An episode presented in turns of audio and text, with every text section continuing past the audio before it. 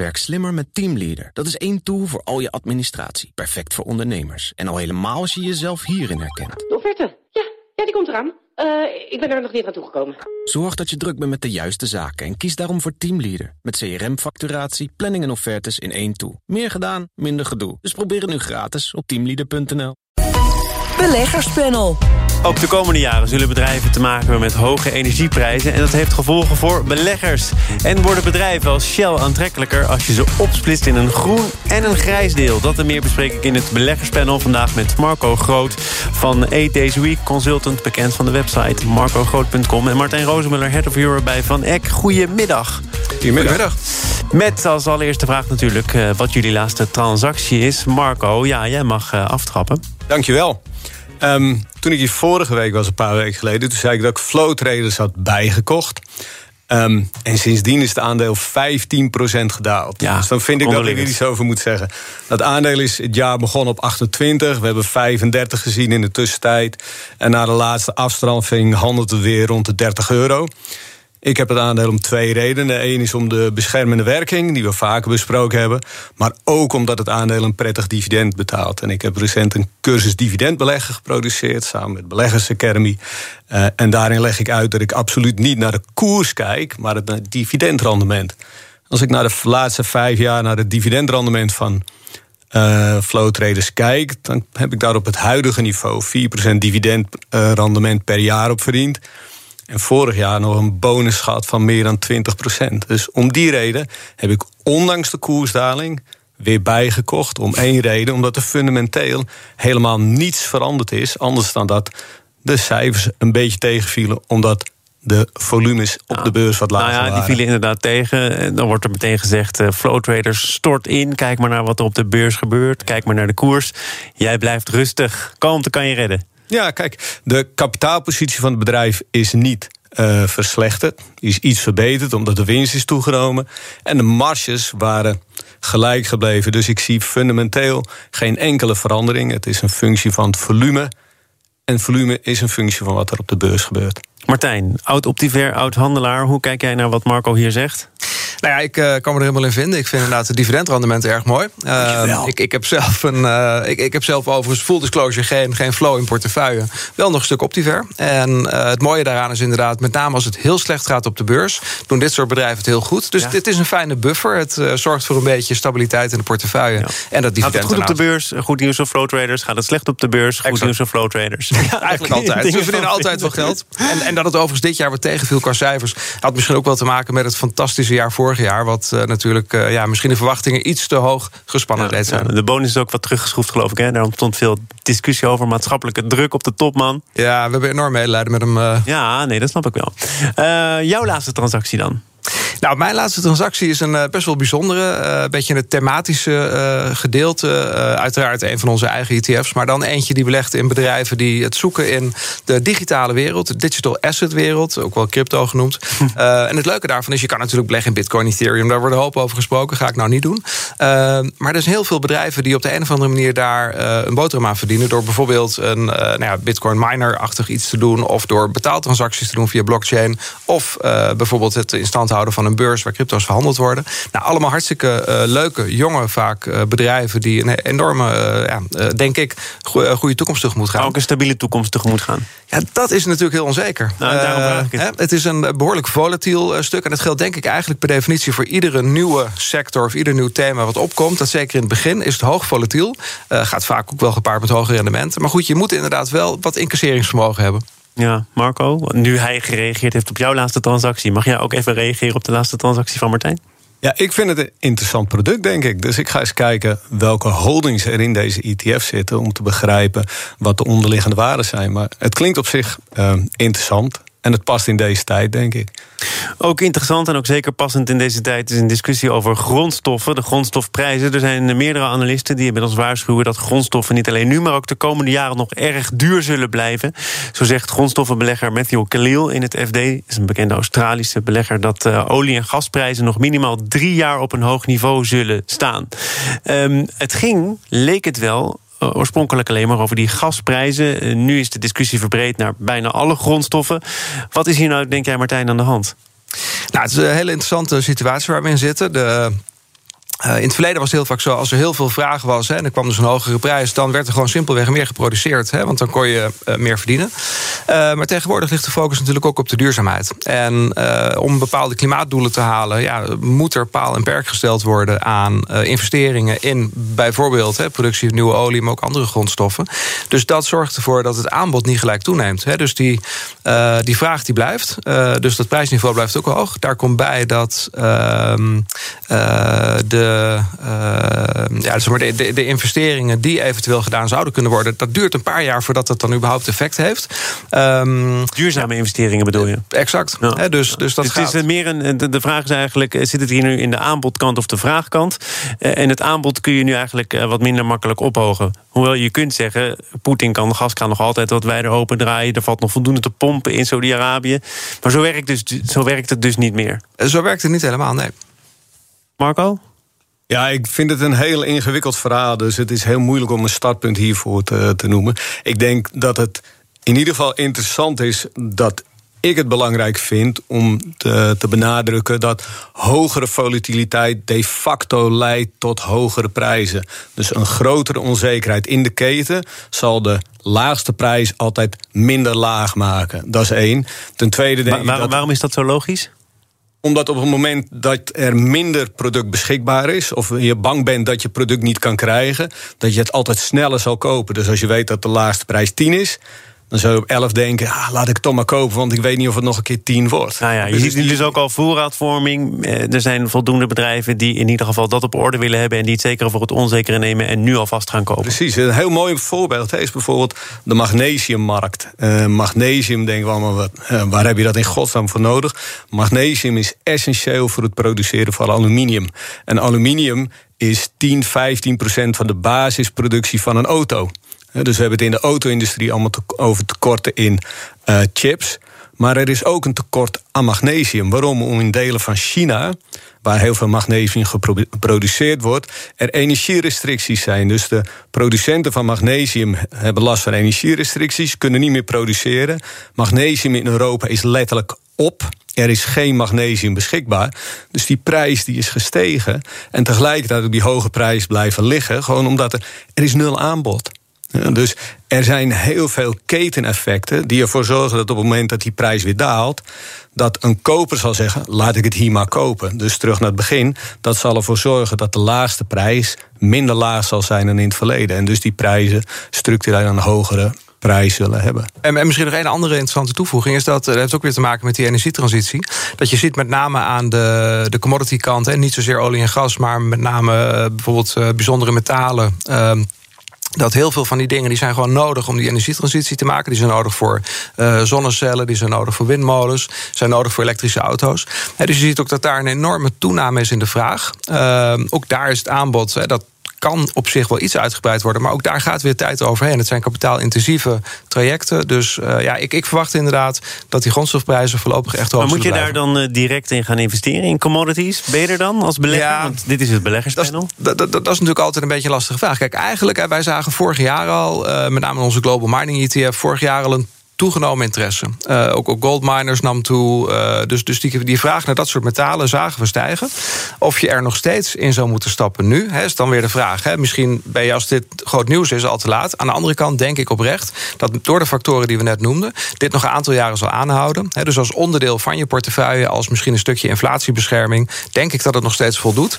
Verwacht alleen niet tientallen procent rendement per jaar. Wat denk jij? We hebben het hier over de vraag of je direct in die commodities moet gaan. Je moet misschien ook wat breder kijken. Welke bedrijven bedrijven komen hierdoor in de problemen? Welke bedrijven zijn nog in staat om hogere prijzen door te rekenen? Um, ik denk dat als inflatie zoals Martijn zegt, dat het zeker een, een nuttige beweging is. Uh, dus als je, je, de manier waarop je het zou kunnen benaderen, is dat als je zegt: oké, laten we zeggen dat 1 of 2 procent van de totale beleggingsportefeuille die ik heb uh, een functie is van, uh, van dit soort grondstoffen, dan koop je 1 of 2 procent van jouw portefeuille in deze grondstoffen. En op die manier dek je, dek je die, uh, die exposure dek je af. We gaan uh, naar uh, een andere kwestie. BNR Nieuwsradio. Zaken doen. Thomas van Zeil. Het beleggerspanel is te gast en dat bestaat uit Marco Groot van E Deze Week... en bekend van de website marcogroot.com. En Martijn Rozenmuller, Head of Europe bij Van Eck. De activistische aandeelhouder Third Point wil dat Shell zich opsplitst... in een groen en een grijs bedrijf, een fossiel bedrijf. Shell-topman Ben van Beurden ziet er heel weinig in. Maar er zijn de afgelopen jaren wel degelijk grote energiebedrijven opgesplitst. In Duitsland, in Italië, Denemarken is een bekend voorbeeld. Dus Martijn, heeft dit ook in Nederland kans van slagen? Ik denk dat je het zeker niet kan uitsluiten. Ik denk dat het een. Uh... Niet kan uitsluiten. het is een beetje een diplomatiek antwoord, dat weet ik. Nou ja, laat ik dan wat, wat sterker zijn. Ik denk dat het kans van slagen heeft. Ik denk dat het helemaal niet zo gek is om inderdaad naar een groen en een grijs bedrijf te gaan, zoals je dat zo, uh, daar, daarnet zo mooi zei. Uh, en, en wel om de volgende reden. Ik denk dat een aantal beleggers heel bewust afstand willen doen van, die grijze, van het grijze deel. Op dit moment kunnen ze dan alleen maar heel deel, toch? Nee, het uh, op dit moment nog steeds verdienende deel. Maar als belegger moet je natuurlijk altijd naar de lange termijn kijken. Je moet naar de toekomstige kaststromen kijken. En die toekomstige kaststromen zouden in het grijze deel wel eens nul kunnen gaan. En in het groene deel een stuk groter kunnen zijn. Um, ABP heeft natuurlijk, of APG eigenlijk, de pensioenuitvoerder van ABP heeft onlangs 500 miljoen aan Shell verkocht. Of aandelen Shell verkocht, omdat ze niet meer daarmee geassocieerd willen worden. Dat, dat, staat me wel voor de geest nog. Ja. exact. En Third Point heeft, ik weet niet of ze dat op hetzelfde moment hebben gedaan, ongeveer 500 miljoen opgebouwd. Dat zijn dus... tweede en derde kwartaal heeft Third Point zich uh, ingekocht. Ja, nou, en, en, dat zijn dus twee manieren om er naar te kijken. Als je, uh, APG zegt blijkbaar van nou, wij willen niks mee te maken hebben, doei. Uh, Third Point zegt misschien wel van hé, hey, wij willen een verandering teweeg brengen. En dan zal het met name ook om hun eigen winst te doen zijn. Maar het kan er best wel toe leiden dat je inderdaad een grijs en een groen bedrijf neerzet. Waarbij iedereen die dus eigenlijk twijfelde over Shell om, vanwege de fossiele brandstoffen, krijgt dan de keuze van ja, pak dan alleen het groene deel en laat de rest links liggen. Maar wat gebeurt er met dat deel dat je links laat liggen? Ik kwam de reactie van Amedion tegen, de belangenbehartiger van institutionele beleggers. Zeggen ja, dat grijze deel van Shell, ja, dat wordt dan een beetje aan zijn lot overgelaten. Hè. Er zijn nu nog uh, afspraken of uh, geplande afspraken met aandeelhouders om te praten over reductie, om toch iets bij te dragen aan uh, de duurzame ambities. Als je echt zegt, dit is een grijs deel, dat laten we lekker grijs, dan laat je dat eigenlijk lopen. Dus zij zien dat als een risico, Marco. Klopt dat? Ja, ik weet niet zo goed hoe ik die vraag moet beantwoorden. Een, een, grijs deel hebben we ook nodig. Want we hebben nog heel lang beetjes olie nodig om ook andere dingen te maken. Dus het grijze deel, hoe graag we daar ook van af willen, blijft wel bestaan. Het splitsen in een grijs deel en een groen deel is best een ingewikkelde exercitie. Want hoe allokeer je welke hoeveelheden kapitaal aan een grijze en een, en een groen deel? En als je de brief van Third Point leest, het enige wat zij willen is geld hieraan verdienen. Niets anders dan dat. Hè. Waar, waar Engine One echt hele duidelijke um, um, milieugedreven ambities heeft, of ESG-gedreven ambities heeft, wil Third Point het bedrijf opsplitsen. En sterker nog, zij willen het grijze deel leveragen. Dus daar willen ze meer schuld in stoppen. Omdat ze weten dat er in de toekomst daar toch wel geld voor aan, aan wordt Maar Third Point zegt toch eigenlijk in die brief... Shell, je doet jezelf veel tekort door iedereen te vriend te houden. Je wordt uh, ondergewaardeerd. Het zou in ieders belang zijn om een duidelijke keuze te maken. Om te zeggen, nou, dit is groen, dit is grijs. Ja, het heeft niet alleen met geld verdienen te maken, toch? Um, ja, ik denk het wel. Als, als, zoals ik de brief van Third Point lees, hè, maar ik lees hem met een, met een iets ander oog, dan zeggen zij: er moeten drie delen ontstaan. Aan de ene kant hebben we een, een grijs deel, het oude deel. Daar is de leverage die Shell er nu in stopt veel te laag. Die leverage moet veel groter zijn. Met andere woorden, we trekken zoveel mogelijk kapitaal eruit. Dat geld bieden wij, daarmee geven wij beleggers de mogelijkheid om in andere groene initiatieven te investeren. En dan een kleiner deel. En zij zeggen, sorry, zeggen, zeggen letterlijk in hun brief dat dat kleinere deel LNG en nieuwe eh, groene initiatieven veel lager rendement heeft. En dat dat rendement weer uh, geïnvesteerd kan worden in de expansie van dat deel. Dus eigenlijk wat zij zeggen, leverage aan de ene kant, geld terug uh, om nieuwe initiatieven te investeren. En het lage rendementdeel, dat maken we dan ook beursgenoteerd. En dat mag zichzelf dan gaan voeden. Dus ik, ja, ik zie daar niet zo heel veel milieugedreven initiatieven in. Ik zie er eigenlijk alleen maar geldgedreven nou, initiatieven in. Is, jouw is jouw aanvankelijke voorzichtige enthousiasme ook wat weggeëpt? Nee, ik ben nog steeds enthousiast. Het feit dat Third Point daar geld in wil verdienen... vind ik op zich niet gek. Het is op slotverrekening uh, geen liefdadigheidsinstelling. Maar dat uh, geld verdienen in dit geval ook een, een soort incentive kan zijn... of een vonkje kan zijn om een verandering teweeg te brengen... dat, uh, dat zie ik nog steeds als best een goede mogelijkheid. Er is de afgelopen dagen ook wel verwezen naar Dong... dat tegenwoordig Ørsted heet, het ja. Deense bedrijf. Staatsbedrijf overigens. Die hebben een radicale keuze gemaakt. Wat zeg je? Mooi bedrijf. Wel een mooi bedrijf. Ja. Want die hebben hun olievelden verkocht... en die zijn het op een andere manier gaan doen. Overigens in grootte natuurlijk niet vergelijkbaar met Shell. En zoals gezegd, een staatsbedrijf. Maakt dat uh, dit soort drastische keuzes ook aanzienlijk eenvoudiger?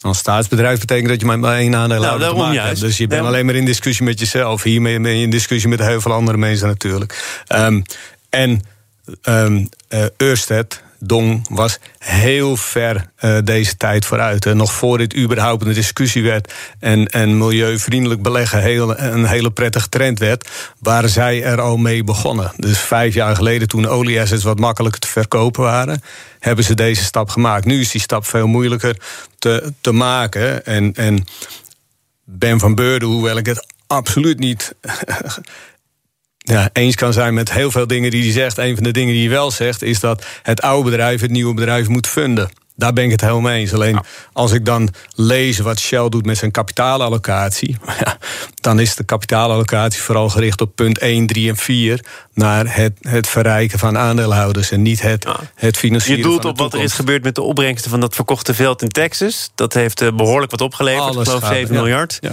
dat zorgt ervoor dat de netto schuld onder de 65 miljard daalt. Alles wat onder de 65 miljard daalt uh, aan schuld. Uh, op de balans gerealiseerd wordt, wordt weer uitgekeerd aan aandeelhouders. Dividendbeleggers. Ja, dus Shell is, ja. Maar dat, dat vind, daar vind je toch wat van? Er zit ook een stukje ethiek in, toch? Of oh, niet, dat wel.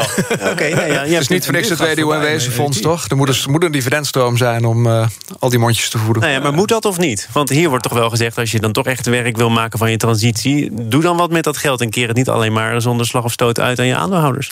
Nou, daar ben ik het dus mee eens. En, en dat is ook een beetje waarom ik zeg, zo'n opsplitsing zou misschien goed zijn. Hè? Als, als dan er de mogelijkheid komt om op een goede manier uh, geld te allokeren daar waar het echt een verschil maakt, nou, dan uh, lijkt Tegelijkertijd vind ik dan wel dat hè, als je dan op de website van het ABP leest dat zij zeggen: wij trekken ons terug uit Shell en we stoppen ons geld in groene initiatieven. Want dat, dat ontmoet onze ethiek. En wij denken dat we daar een beter rendement kunnen maken. Shell heeft een enorme discount ten opzichte van andere oil majors. En is relatief goed gefinancierd. Dan had ABP ook zelf die call kunnen maken. En zich niet terug hoeven te trekken en het aan andere mensen over te laten. We gaan tot slot nog even naar eh, het eh, cijferseizoen. Dat is nog bezig. De laatste grote bedrijven komen deze week met cijfers. Er zijn er ook al een paar geweest, zo ook uh, Apple. En Martijn, ja, om er toch maar een wedstrijdje van te maken, hoeft niet per se. Maar Apple is voorbijgestreefd door Microsoft als je kijkt naar de beurswaarde. is dat nog een verrassing te noemen? Nou, of het een verrassing is, weet ik niet. Maar wat ik wel weet is dat het altijd interessant is om te zien hoe dit soort grote bedrijven natuurlijk tegen elkaar opboksen. toen uh, een paar jaar geleden Apple eh, Microsoft voorbij ging, was dat best wel eh, een, een, wonder eigenlijk. Want Microsoft bestond al zo lang. Het was al zo lang natuurlijk een van de grotere beursgenoteerde bedrijven. Ehm, Apple kon door het succes eigenlijk van de iPhone en, en alles wat ze daar voort, konden beduren, daar voorbij. Inmiddels heeft Microsoft zichzelf ook weer opnieuw uitgevonden. En zie je dat met, met de cloud met name, geloof exact, ik. Exact. die, die inkomsten uit clouddiensten zijn enorm toegenomen. En daarmee uh, halen ze Apple weer in.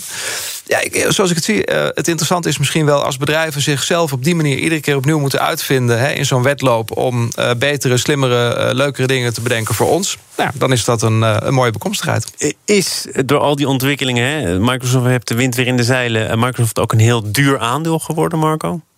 Ik vind Microsoft niet zo duur nee? hoor. Nee. Kan nog veel duurder worden. Zeker.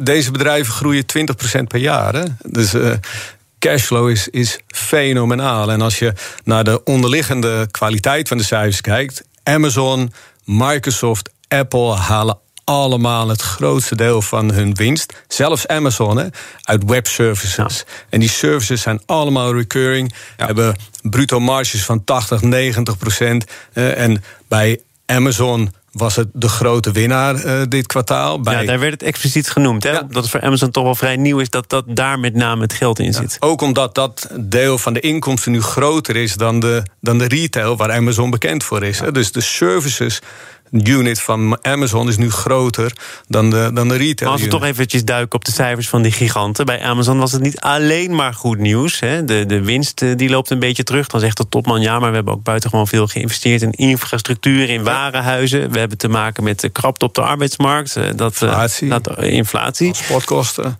Is het dan nog wel zo goed wat Amazon laat zien? Ja, ik, ik vond prima wat Amazon liet zien. Ik, ik vond, ik vond Microsoft spannender en Apple begrijpelijker. Maar Amazon heeft voor het vierde kwartaal alleen al 275.000 mensen extra nodig. Dat klinkt als, als, als een klusje. Dus als je er maar 250 1000 kan werven in een seizoen waar je de 250 of 275.000 extra nodig hebt, dan, dan kan je wel eens een logistiek probleempje hebben binnen je bedrijf. En het verschil tussen 1000 of 1100 mensen extra inhuren klinkt iets makkelijker als, als dat soort aandelen. Dus ik, eh, aantallen. Dus ik denk dat het formaat van, het aantal, eh, van de aantallen die Amazon op het ogenblik nodig heeft, heeft ook de groei in de weg staan. Martijn, tot slot. We hebben er al eh, een hoop gehad, cijfers. Airbnb komt toch? Daar kijk jij met speciale aandacht naar. Ja, ik vind het erg interessant om te zien hoe dit uh, zich gaat ontwikkelen. Omdat uh, ja, de grote vraag is natuurlijk: hè, begint uh, ja, de wereldburger weer volop te reizen en gebruik te maken van de diensten van Airbnb? Hè? Begint dat zichtbaar te worden nu in de cijfers? Um, ja, ik, ik ben daar heel benieuwd naar. Wordt ook door steeds meer stadsbesturen een beetje geketend?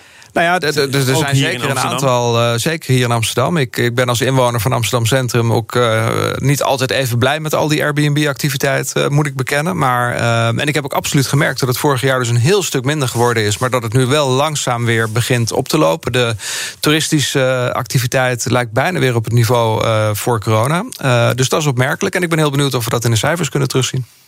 Dank voor je bijdrage aan dit panel. Martijn Rozenmuller, Head of Europe bij Van Eck... en Marco Groot van Eight Days a Week. En bezoek vooral die website, marcogroot.com. Zometeen dan eh, praat ik nog even door over beleggen... en de invloed die individuele beleggers kunnen uitoefenen op grote bedrijven. De gast is Piet Sprengers van de ASN Bank. Werk slimmer met Teamleader. Dat is één tool voor al je administratie. Perfect voor ondernemers. En al helemaal als je jezelf hierin herkent. Ja, het, het, komt er echt aan. Maak je geen zorgen. Het is het einde van de maand. Ja. Zorg dat je druk bent met de juiste zaken. En kies daarom voor Teamleader. Met CRM-facturatie, planning en offertes in één tool. Meer gedaan, minder gedoe. Dus probeer het nu gratis op teamleader.nl.